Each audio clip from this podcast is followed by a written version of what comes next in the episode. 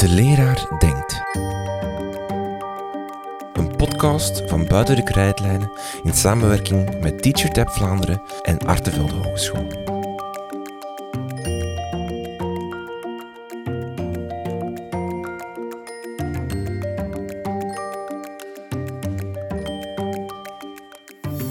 Hallo, ik ben Sophie Michels. Ik ben opleidingshoofd van de educatieve bachelor lager onderwijs aan Artevelde Hogeschool. Vandaag denkt de leraar over aanvangsbegeleiding.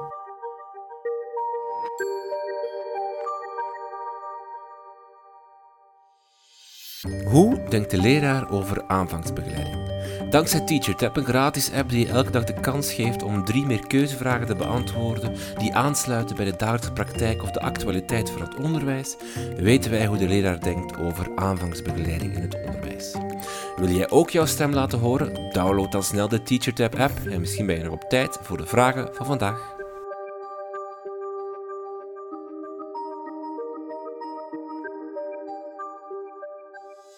Dag Sophie, welkom in de podcast. Uh, we praten vandaag over aanvangsbegeleiding. En waarom het belangrijk is dat we daarover praten, dat tonen de gebruikers van TeachTap eigenlijk zelf aan. Als we de stelling geven, krijgen starters te weinig begeleiding, dan is 52% daarmee eens en 19% is neutraal. Dus eigenlijk een, meerderheid geeft wel aan van er is te weinig uh, begeleiding van starters. Verbaast die resultaten jou? Ga enerzijds een beetje wel. Ga want waarom uh, verbaast het mij? Uh, wij hebben onderzoek gedaan, of ik zelf maakte deel uit van een onderzoeksteam. Een aantal jaar geleden, uh, 2017, 18 zijn we daarmee gestart. Hebben we een onderzoek gedaan rond aanvangsbegeleiding uh, van startende leraren in het uh, basisonderwijs. Het onderzoeksproject heette toen Startkracht. En dat onderzoeksproject is er toen ook gekomen naar aanleiding van de nieuwe CAO, dus zo collectieve arbeidsovereenkomst. CAO 11 uh, bij, van minister Krivits toen. En die um, heeft echt de klemtoon gelegd op het belang van aanvangsbegeleiding. En ik denk wel dat um, de tijd die naar aanvangsbegeleiding gaat, of de aandacht die er naartoe gaat, sinds 2018 vergroot is, vermeerderd is. Uh, dat geloof ik wel, omdat er toen ook uren uh, geëxpliciteerd zijn die, um, die echt naar aanvangsbegeleiding moeten Mentoruren, gaan. Mentoruren. Ja. Want die waren daarvoor ja. weer afgeschaft. Hè? Het is ja. wel een op en neer geweest van die uren. Het is een op en neer geweest. Um, en op dat moment zijn ze toen weer ingevoerd geweest. Ja, inderdaad. Um, als je algemeen zou stellen, en ik weet algemeen is, mm -hmm. algemeen is niet zo heel mm -hmm. goed, maar is er te weinig aanvangsbeleid in ons onderwijs? Als je ja of nee zou moeten zeggen? Ja, want het kan altijd beter. Um, ik denk, zoals ik daarnet zei, we hebben echt al goede stappen gezet sinds 2018. We hebben dat ook gezien in ons onderzoek, dat er echt al heel mooie dingen gebeuren. Maar aanvangsbegeleiding is ook um, bijna een containerbegrip. Wat valt onder aanvangsbegeleiding? Um, als we kijken naar wat valt er eigenlijk onder goede aanvangsbegeleiding, dan is aanvangsbegeleiding een onderdeel van uw professionaliseringsbeleid op een school.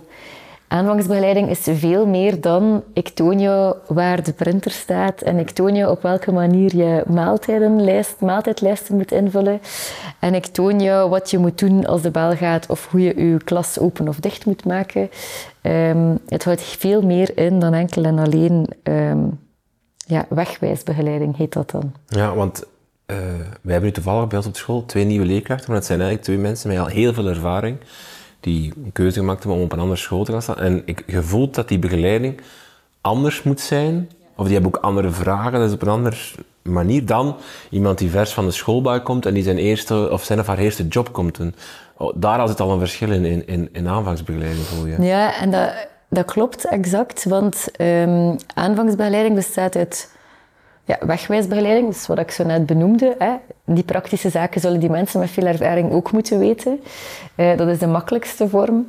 Dan heb je werkbegeleiding. Dat gaat echt over het vakdidactische. Hoe pak ik deze les hier nu aan? Dat is echt het inhoudelijke.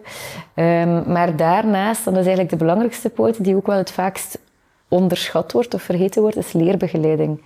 Um, en daar gaat het over wat hebben die leerkrachten nodig op dit moment um, en hun verdere doorprofessionalisering. Het gaat over reflecteren wat voor leraar wil ik zijn, waar sta ik nu al en waar wil ik naartoe en wat heb ik daarvoor nodig. Dat is echt een reflectief onderdeeltje van, um, van aanvangsbegeleiding.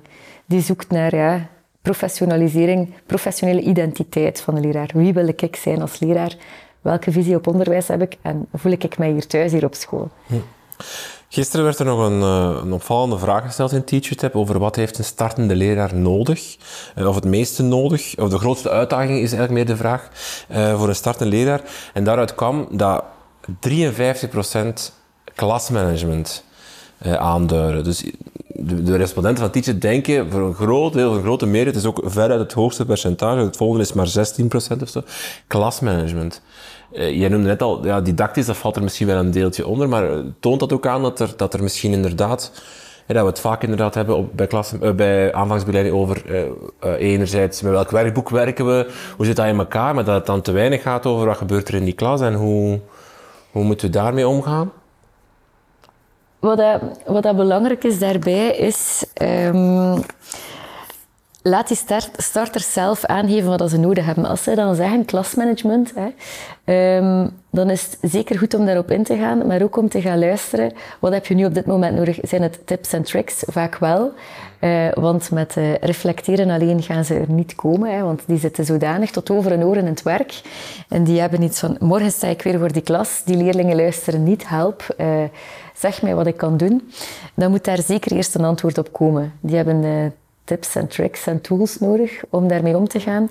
Um, daar mag het niet bij blijven. Nadien moet er samen met die starter gekeken worden wat heeft nu gemaakt dat het niet goed liep? Wat heeft nu gemaakt dat het net weer beter ging? Wat heb je anders gedaan? Uh, en wat wil je daarvan borgen? Wat wil je daarvan vastzetten? Zodat je niet telkens in diezelfde um, routine terechtkomt. Ja. ja. dat je niet telkens in diezelfde um, crisissituatie ja. of zo terechtkomt. Ja. Tegelijkertijd staat me ook de vraag, inderdaad, we zeggen dat dan tegen een starter, van als je vragen hebt, kom altijd langs. Maar dan leggen we altijd de verantwoordelijkheid of de druk of de, de, de, de manier van, van start, de, de start van zo'n interactie altijd bij de starter. Die moet eigenlijk aangeven van, er loopt iets niet goed, terwijl dat, dat wel een drempel is. Starters zitten ook nog met een soort van beoordelingsaspect vaak op een school. Zowel formeel vanuit een directie, maar ook informeel. Hè. Je collega's beoordelen toch ook iets al. Is dat iets dat we moeten doorbreken, van je aandacht voor moeten hebben van let op dat je niet wacht tot de starter verdrinkt en aangeeft nog met zijn handje boven het water van hey, het gaat niet meer? Ja, um, dat is absoluut een aandachtspunt. Ik ga terug verwijzen naar die uh, CAO 11 van lang geleden, uh, vijf jaar geleden. Daarin staat aanvangsbegeleiding omschreven als recht en als plicht. Um, als recht voor de startende leraar, dus die heeft recht op aanvangsbegeleiding. Um, anderzijds heeft hij ook de plicht om zichzelf te gaan professionaliseren. Uh, dus daar voel je een beetje die twee kanten. Um, het is belangrijk om iemand aan te stellen die bevoegd is voor aanvangsbegeleiding. Die starters in ons onderzoek gaven dat ook aan. Van het, um, het helpt om te weten dat, dat ik bij die collega kan aankloppen. Je hebt zo vaak van die Peter-meter systemen. Uh, zij geven aan van het helpt om te weten dat die persoon daarover aangesproken is, dat hij weet dat ik bij hem mag gaan. En het helpt ook voor mij om te weten, die heeft daarmee ingestemd. Dat heeft eigenlijk te maken met het eh, heel transparant maken van afspraken en verwachtingen. Uh, je hebt het mandaat gekregen uh, om die starter te helpen. Die starter weet dat, die weet ik kan vertrouwen en ik kan terugvallen op jou. Ik denk dat het goed is om dat uit te spreken. Dat is ook nodig. Uh, iemand echt die functie geven. Jij bent aanspreekpunt voor dat aspect, voor die startende leraren. Um, daarnaast, hè, het is ook een plicht van de starter om zichzelf te professionaliseren, um, gaat hij ook vragen moeten stellen.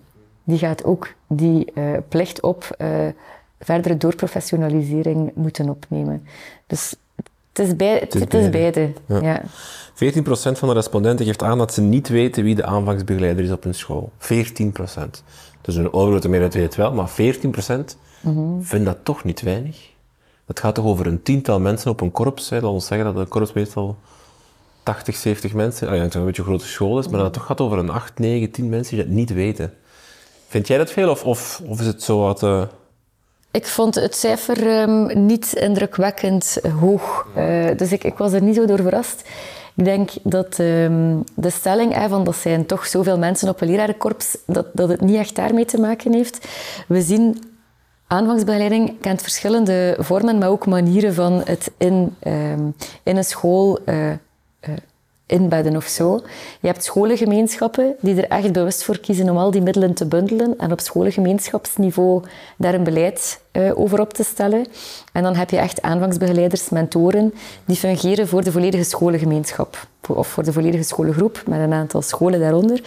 Um, en dan denk ik dat het zou kunnen dat daar bepaalde scholen door de mazen van het net glippen en dat het zichtbaar aanspreekpunt, waar we het daarnet over hadden, waarvan ik zei, het is echt wel belangrijk dat de starter weet bij wie hij terecht kan, dat dat daardoor misschien soms vervaagt.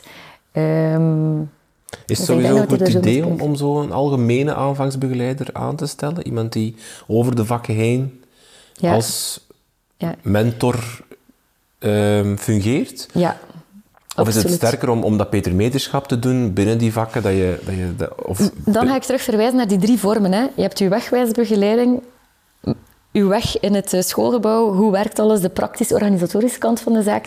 Daar kan één iemand voor aangesteld worden. Dat moet binnen de eerste week, binnen die eerste dagen. Dat kan iemand zijn van uh, de, de beleidsondersteuner of de secretariaatsmedewerker. Of het is echt een gids. Um, daarnaast heb je dan die werkbegeleiding starters geven aan, dat is fijn als dat een parallel collega is. Iemand waarmee dat ik eventueel zelfs een teamteaching kan meedraaien of iemand die een parallelklas heeft waarbij dat we kunnen afstemmen en wisselen, afwisselend um, lesvoorbereidingen maken. Dat is echt uh, die werkbegeleiding. Maar als je dan het hebt over leerbegeleiding en echt in een gesprek gaan en gaan reflecteren van oké, hoe waren die eerste maanden nu? Waar heb je nood aan? Uh, waar wil je verder in doorgroeien? Waar loop je op vast? Dan hebben we het over die mentor die daar wel moet zijn. Als die er niet is, dan vervaagt dat stukje leerbegeleiding. En dat is nu net het belangrijkste stukje uh, in, het, in het hele proces. Is er een gevaar dat, dat door het aanstellen van een aanvangsbegeleider, eh, iemand die die functie krijgt, een leerkracht overkoepelend, dat, dat het daarmee de andere collega's het gevoel krijgen van oké, wij hebben geen verantwoordelijkheid meer rond die aanvangsbegeleiding, persoon X zal dat wel doen. Dat dat impliciet anderen ontslaat van hun verantwoordelijkheid om mee een collega op te vangen of, of te um, ondersteunen? Nee, nu net niet, omwille van het feit wat ik daarnet zei. Die drie verschillende delen kunnen door verschillende mensen opgenomen worden. Um, en daar, daarbovenop uh, komt nog eens dat heel veel samenhangt met schoolcultuur. In welke mate zijn leerkrachten gewoon om samen te werken met de deur, open lessen te geven, samen lessen voor te bereiden, samen vragen op te nemen of niet.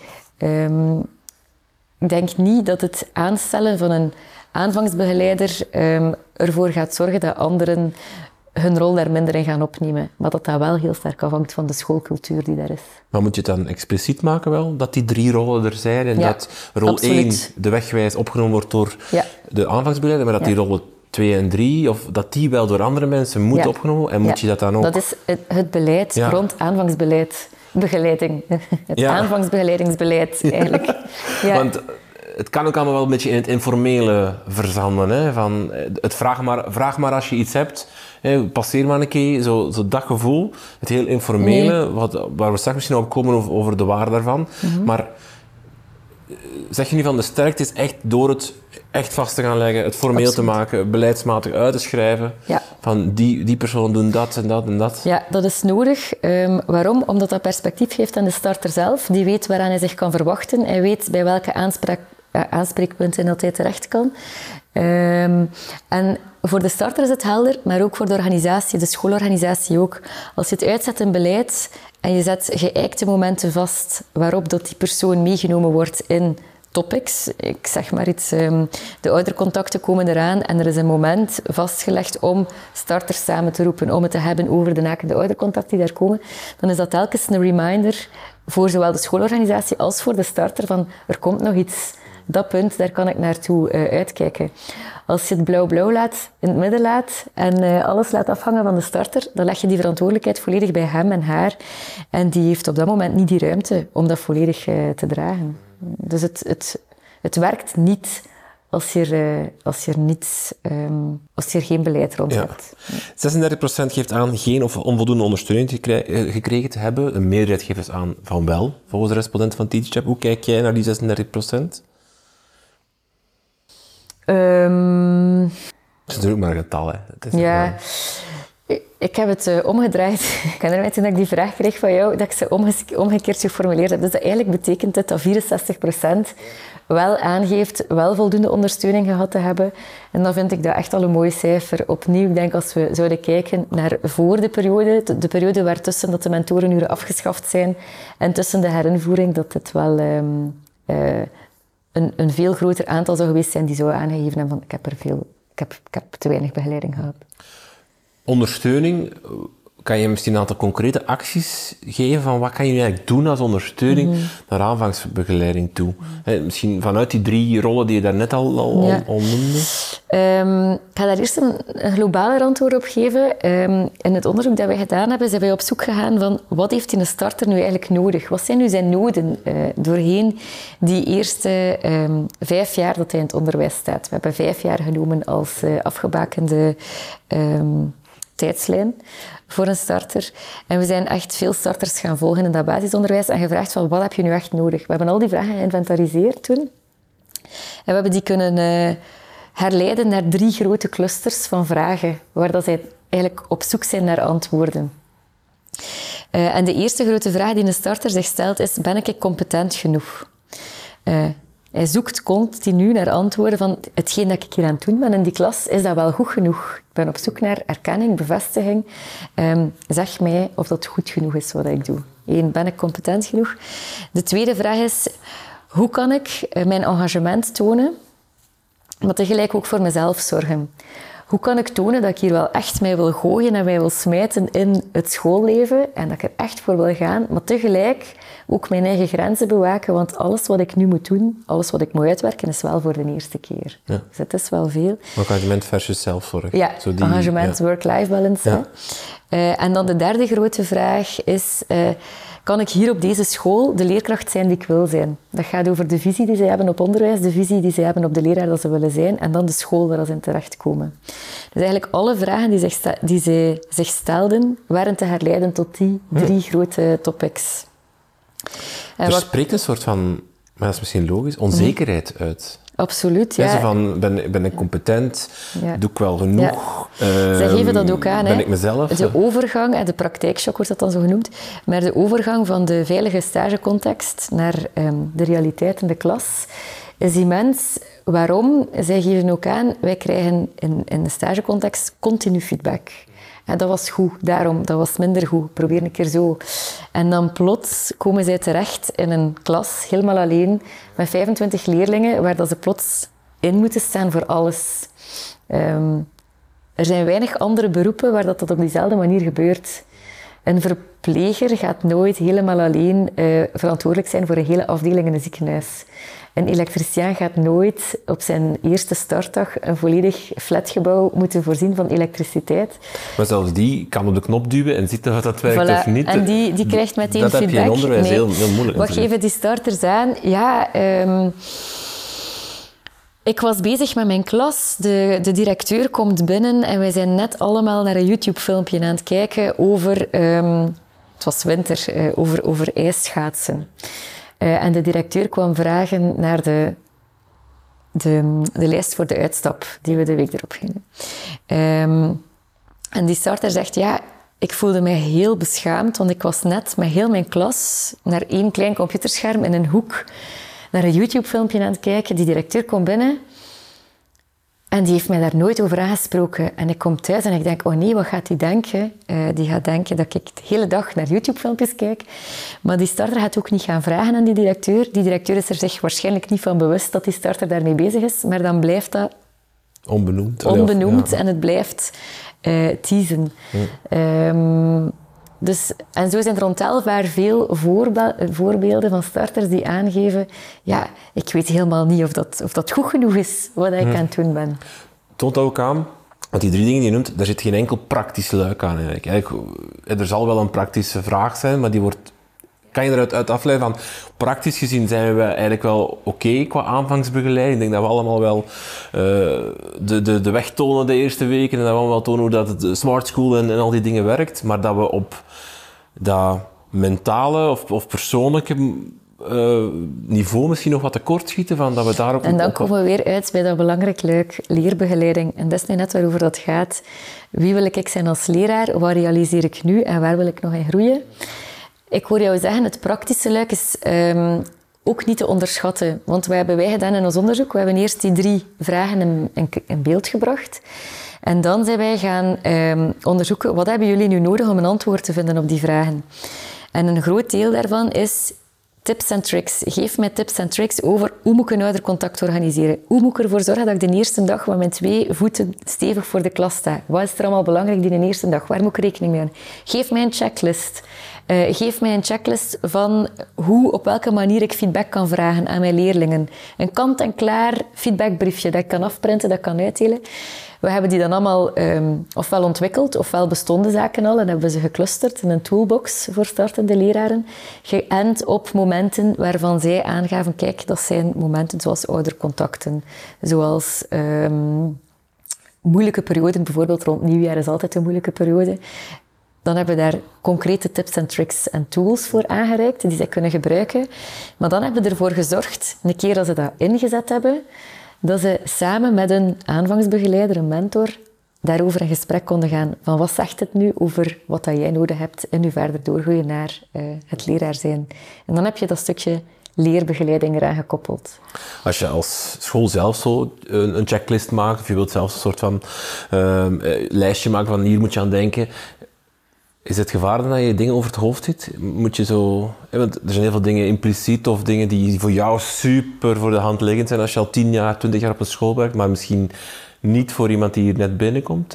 Moet je echt het, de basics durven benoemen, ook al lijkt het super belachelijk dat je dat doet?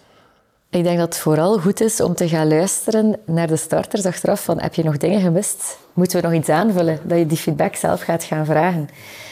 Um, de onbeschreven regels, die zijn er altijd en overal.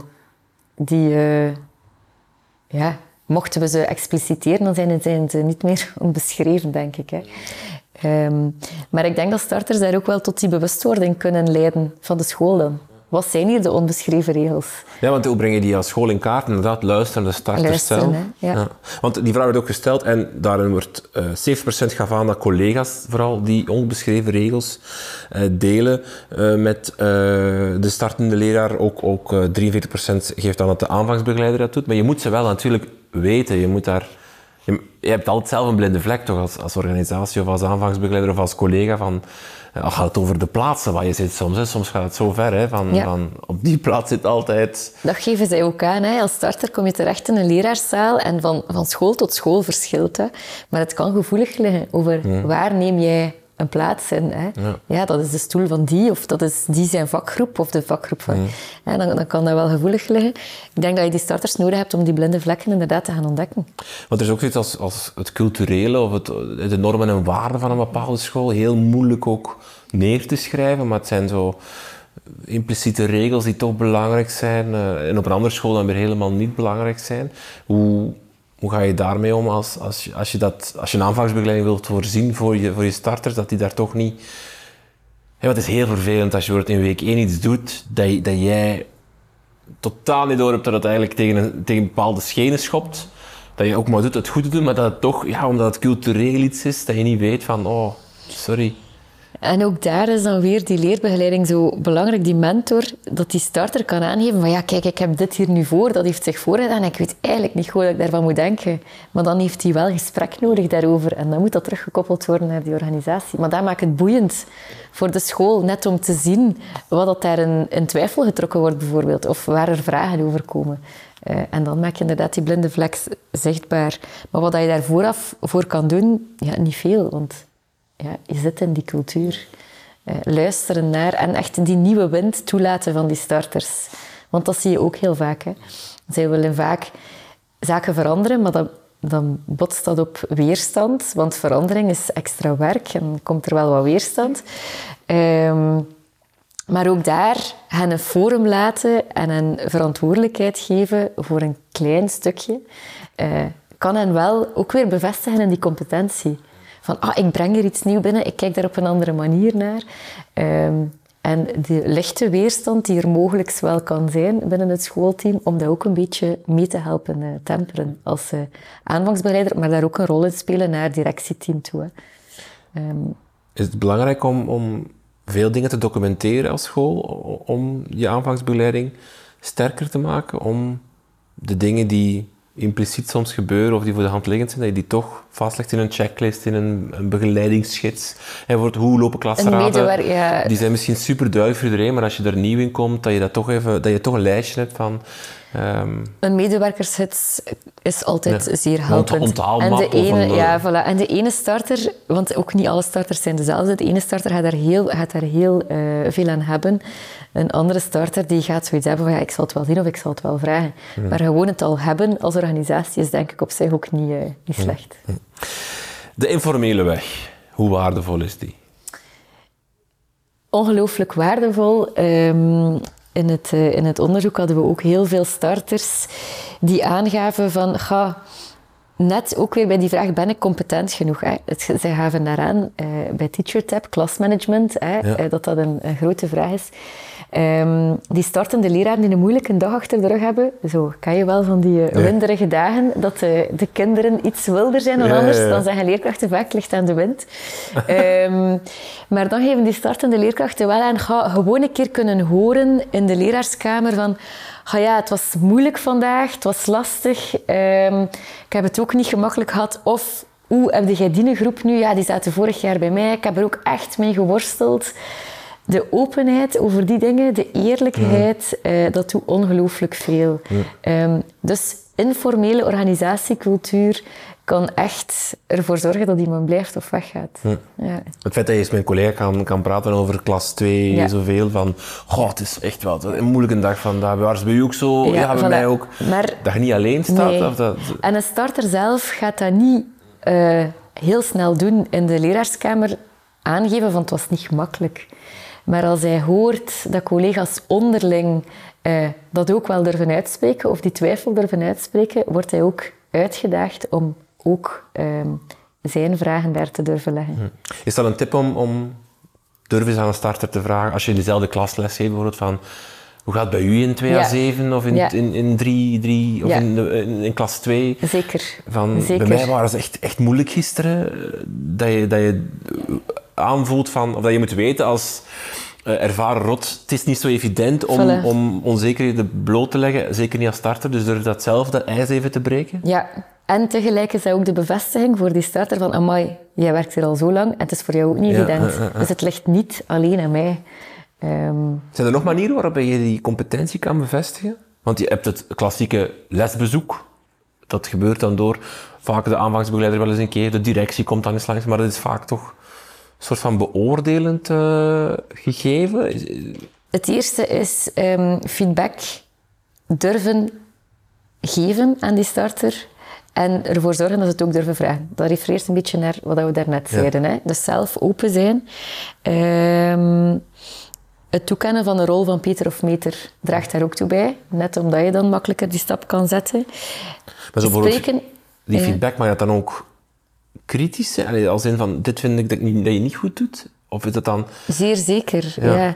ja. Um, dan hebben we het eigenlijk over het onderwerp van hoe geef je op een, uh, op een goede manier feedback. Ja.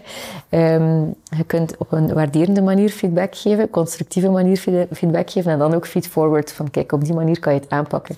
Um, ik denk dat alle vormen van feedback welkom zijn. Dus het waarderende, maar ook wat er anders kan. En dan komt daar weer die koppeling naar tips en tricks, want zij hebben geen tijd om het nu zelf te gaan uitzoeken. Met dan wel die kanttekening daarbij dat het belangrijk is dat ze achteraf gaan nadenken. Wat heeft nu gemaakt dat het wel goed of niet goed liep? Of wat heeft nu gemaakt dat die een tip mij wel geholpen heeft en wat ga ik volgende keer dan anders doen? Um, Want er is ook zo'n gevoel van, we moeten onze starters, in een tijd van leraar, leraartekort, we moeten onze starters koesteren. We moeten ze echt ten alle, ten alle kosten aan boord houden. En, en, en dan zou je denken van, misschien moet ik gewoon ze ophemelen bijna of zo. Maar dat is natuurlijk ook niet goed, maar, maar... Nee, we moeten ze zeker niet ophemelen. We moeten wel uh, tijd voor hen maken. En ook, wat zij ook aangeven, is gewoon al weten wanneer dat de directie of de beleidsondersteuner beschikbaar is voor mij. Beschikbaar is voor mij wanneer kan ik mijn vragen uh, daar terecht. En vanuit de directie naar de starter toe heel duidelijk expliciteren wat de verwachtingen zijn. Van een starter kan je nooit hetzelfde verwachten als van een leraar die al twintig jaar meedraait. Onmogelijk. Um, het zou goed zijn mochten directies kunnen zeggen van kijk, eh, ik verwacht van jou niet dat je dit uh, schooljaar, ik zou zeggen academiejaar, uh, ik verwacht van jou niet dat je dit schooljaar in twee werkgroepen zit. Nee, uh, jij moet alles voor de eerste keer uh, runnen in het vierde leerjaar bijvoorbeeld. Dus ik verwacht van jou niet dat je ook nog eens op schoolniveau in twee werkgroepen gaat meedraaien.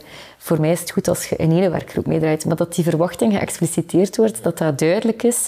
Dat dat ook binnen het schoolteam duidelijk en transparant uh, weergegeven wordt. Zodat die starter heel goed weet van oké, dat wordt van mij verwacht, maar dat niet.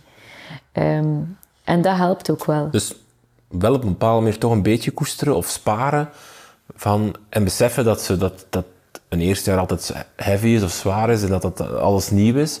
Dus misschien wel ook koesteren, als in misschien wel een gemakkelijkere, als dat al bestaat, opdracht geven dan iemand die al langer in het veld staat. Een betere lesrooster geven. Of... Absoluut. Hè. Dat is iets dat, dat vaak aangehaald wordt. Hè. Dat alle startende leerkrachten um, de bij elkaar gesprokkelde jobjes ja. krijgen. Hè. Een gaatje hier en, Vaak en dan heel diverse opdrachten in veel verschillende, klassen. Kijk, er zijn daar twee kanten aan. Uh, we hebben stemmen die zeggen van um, ik heb daar ontzettend veel uit geleerd en ze zullen er heel veel uit leren door te hoppen van de ene klas naar de andere. Um, andere stemmen gaan dan op, ja, maar ja, uh, die heeft geen, geen standvastige uh, context waarin dat die kan doorgroeien. Um, ik, ik, persoonlijk ben meer geneigd naar geef starters een haalbare opdracht, laat ze zich verder doorontwikkelen, laat ze zich verder um, profileren en doorgroeien in dat leraarschap. Want zij zijn startbekwaam afgeleverd in een lerarenopleiding, na een lerarenopleiding. Zij kunnen met twee voeten stevig voor die klas staan, maar zij zijn nog lang niet uh, ja, zo doorwinterd als een ervaarleraar van 20, die 20 jaar voor een klas staat. Dus mijn oproep is daar wel om te zoeken naar een standvastige job waar dat die startende leraar zich kan focussen op dat leraarschap in eerste plaats. Um, het vergt veel meer van een uh, startende leraar om binnen een scholengemeenschap op drie verschillende scholen, in drie verschillende graden, in drie verschillende klassen, um, uren te moeten gaan opvullen. Dat is ja. ja. Maakt dat leeraspect ook veel moeilijker. Ik, ik weet, mijn allereerste opdracht in, was een, een halftijdse, een vervanging, dus uh, niet... Uh, dat was, en dat was gewoon drie derdejaars parallel. Maar dat is een gigantische leerschool, want je doet die les de eerste keer, je ontdekt, zelfs al is die les daar direct daarna, maar gewoon al die vijf, of dat kwartiertje speelde tussen, kan je al, wacht, ik moet dat echt anders zeggen, of, of dat even schuiven, of eerst dat doen. Het is een gigantische leerschool als je iets drie keer kan doen, per, ah ja, elke les drie keer kan doen. Um, dus, dus daar zit wel, wel waarde in soms, in, in, in parallel lessen hebben, ook al wordt het dan soms gezien als makkelijk. Maar... Dat is dan weer die focus, hè. of het nu gaat om parallelles in het secundair of je eigen klas hebben in het lager onderwijs, hebt je focus. Maar als je dan uh, in, het, uh, in het lager onderwijs op drie verschillende scholen, in drie verschillende graden en drie verschillende klassen, dat zijn drie verschillende beginsituaties, dat is gewoon te veel. Daar is dat leereffect exact dat leereffect ook dus veel. Dus bijna overleven ja. dan, dan ja. leren. Ja. Dus die, dat verschil. Um, Oké, okay. uh, misschien een laatste vraagje is van het, het vergt wel allemaal een sfeer van openheid, een, een, een cultuur die daar... Hey, want je zou het ook allemaal groter kunnen trekken en kunnen spreken over... Is er in, in, in mijn, mijn school een cultuur van, van leren, van reflectie, van... van want dat moet eigenlijk al zijn aan het begin, om dan dat dat kan doorcijpen naar aanvangsbegeleiding, als dat er eigenlijk al niet is. Zijn er manieren hoe dat je dat kan, uh, kan, kan creëren, zo'n cultuur van dat er openheid is, dat er deur open les wordt gegeven, dat collega's met elkaar in gesprek gaan over dit lukt niet, dit lukt wel. Um, um. Ja, dan komen we zo'n beetje in het discours van zo beleidsvoerend vermogen van scholen.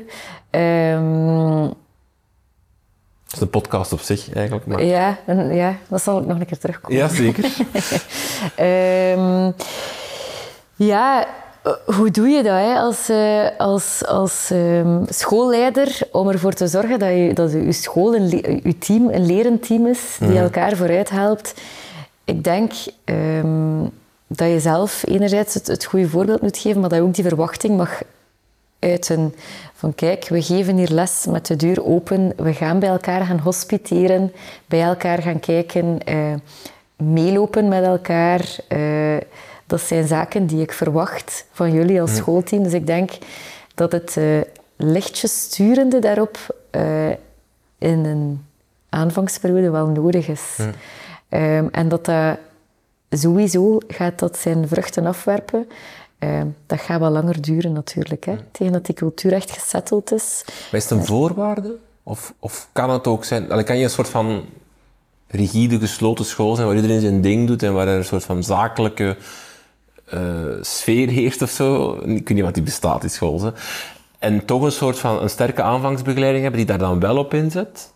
Of is, eh, als je als schoolleider merkt van oei, ik merk hier wel geen lerende cultuur en geen openheid, ik ga dat, en ik wil aan mijn aanvangsbegeleiding beginnen, ik moet eerst dat fixen. Ja, dat is nu net waarom dat die eh, CAO en ook eigenlijk het referentiekader voor onderwijskwaliteit dat de onderwijsinspectie gebruikt, ehm, echt stelt dat aanvangsbegeleiding een onderdeel moet zijn van je professionaliseringsbeleid. En wat dat jij benoemt, ook die schoolcultuur is een onderdeel van je professionaliseringsbeleid. Als je geen lerende cultuur hebt eh, binnen je schoolteam, ja, Je mag het niet los van elkaar. Nee, het is niet dat er een nee, soort van ergens nee. een vakje Voor mij- is aanvangsbegeleiding dat helemaal los staat van de schoolorganisatie. Nee, en, daar geloof ik niet in. Hè. Dat is nu wel mijn, mijn persoonlijke mening. En ik denk wel dat het een absolute voorwaarde is om ehm, die lerende cultuur, om echt een goede aanvangsbegeleiding te kunnen doen. Misschien nog heel kort even over de schoolleider. We hebben die nog niet echt benoemd. Je zei net van, die, moet, die heeft een rol in verwachtingen duidelijk maken. Wat verwacht die van de, van de, van de starter? Maar meestal wordt die aanvangsbegeleider zo niet benoemd. Het gaat dan over collega's, mentoren, Peter Meter, aanvangsbegeleider. Maar die, en die schoolleider die krijgt vaak een soort van beoordelende rol. Wat die natuurlijk ook letterlijk heeft. Die moet bepalen van, mag die volgend, allee, heb ik nog plaats voor die, past die collega in mijn team, mag die volgend jaar nog lesgeven? Maar in hoeverre is het belangrijk dat hij daar toch ook een, dat hij daar uitbreekt en toch ook een soort van ja, zorgende rol is misschien helemaal het juiste. Zorgend is, is niet het juiste woord, denk ik. Eh, Eerder een opvolgen. Ehm, starters houden ervan als een, eh, een directeur of een leidinggevende vraagt hoe gaat het met u? Kom een keer langs, kom een keer vertellen. Maar dan ook echt duidelijk maakt van het is oké, ik, ik zit hier nu niet met mijn pet op van eh, beoordelaar. In die end is dat altijd zo. En we zijn maar mensen, we zijn geen robots. We kunnen dat nooit 100% uitschakelen. Maar het al benoemen van ik zit hier nu echt vanuit een begeleidende rol, een betrokken rol, een coachende houding, ehm, doet al heel veel. Ook het inplannen van functioneringsgesprekken met die startende leraren. Stuur ze een voorbereiding, zodat ze één weten wat ze mogen verwachten op dat functioneringsgesprek. Die starter kan zich dan voorbereiden. Maar ook het functioneringsgesprek, ehm, dat groeit toe hè, na, na twee jaar of na drie jaar naar een evaluatiegesprek. Maar dat functioneringsgesprek zit ook wel nog op die lijn naar coachen, naar eh, hoe kan je verder doorgroeien. Ehm, ja, die directeur is toch wel een, sleutelfiguur. Eén, in het uitzetten van uw beleid, maar twee, in ook betrokkenheid tonen naar uw startende leraren. Want op zich, eh, er is nu een verandering ook in, in, in wanneer kan je vast benoemd worden. Dat kan nu sneller. Dat maakt dat scholen ook een beetje omgekeerde effecten ook hebben. Dat ze ook sneller willen beslissen van, is dat iemand voor ons of niet? Dat, dat gebeurt nu soms al na een jaar. Terwijl misschien soms, of vroeger als die vastbenoeming later lag, gaf je misschien iemand nog meer het voordeel van de twijfel. Eh, Ik heb soms het idee van, we, we zien een startende leraar te snel als erop of eronder, van ja of nee. Terwijl dat ik soms denk van dat leerproces, dat stopt niet vanaf dat die leerling begint te werken. Misschien moeten we durven om, om een startende leraar twee, drie jaar mee te pakken op onze school en dan pas te beslissen van het is iemand voor ons of niet.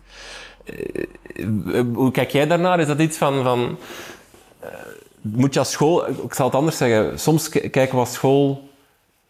kijken we naar de starter van jij moet nu bewijzen of je bij ons past, maar misschien moeten we het omgekeerd zien. Dan moeten we als school durven zeggen, wij gaan jou als starter meepakken Ja. en betere leerkracht maken en zorgen dat jij hier op school kan schitteren. Allee, het is zo Ja. die benadering of zo. Ja, eh, het doet mij denken aan ehm, mijn collega en ik, die, die eh, hebben het de paringsdans genoemd, die nodig is. Ehm, de paringsdans tussen de school en de leerkracht. Hè. En een starter die, die komt in het, in, in het onderwijs te staan met zijn visie op onderwijs en zijn visie op wat voor leraar wil ik zijn. Maar dan komt hij terecht in een school die daar ook al een visie eh, op heeft. Ehm, en dan moeten die twee eigenlijk een paringsdans doen om te zien dat ze matchen met elkaar. Eh, en dan moet de, de school bereid zijn om te luisteren naar de starter, maar de starter moet ook bereid zijn om te kijken tot waar wil ik mijn waarden en mijn normen en mijn visie bijstellen om te klikken en te fitten in die school. Dat noemt de PO-fit, de Person Organization Fit.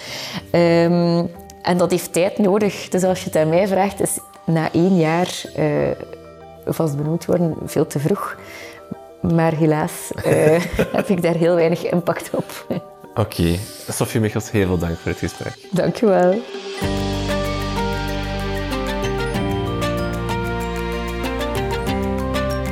De leraar denkt. Een podcast van Buiten de Krijtlijnen in samenwerking met TeacherTap Vlaanderen en Arte